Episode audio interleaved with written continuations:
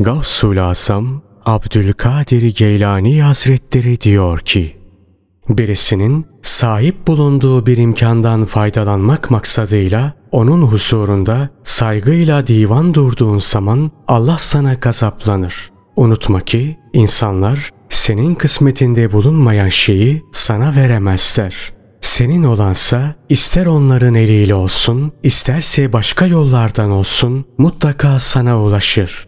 Senin için bir tek zattan başka korkacağın, bir tek zattan başka kendisinden bir şey umacağın kimse kalmamalı. O bir tek zat Allah'tır.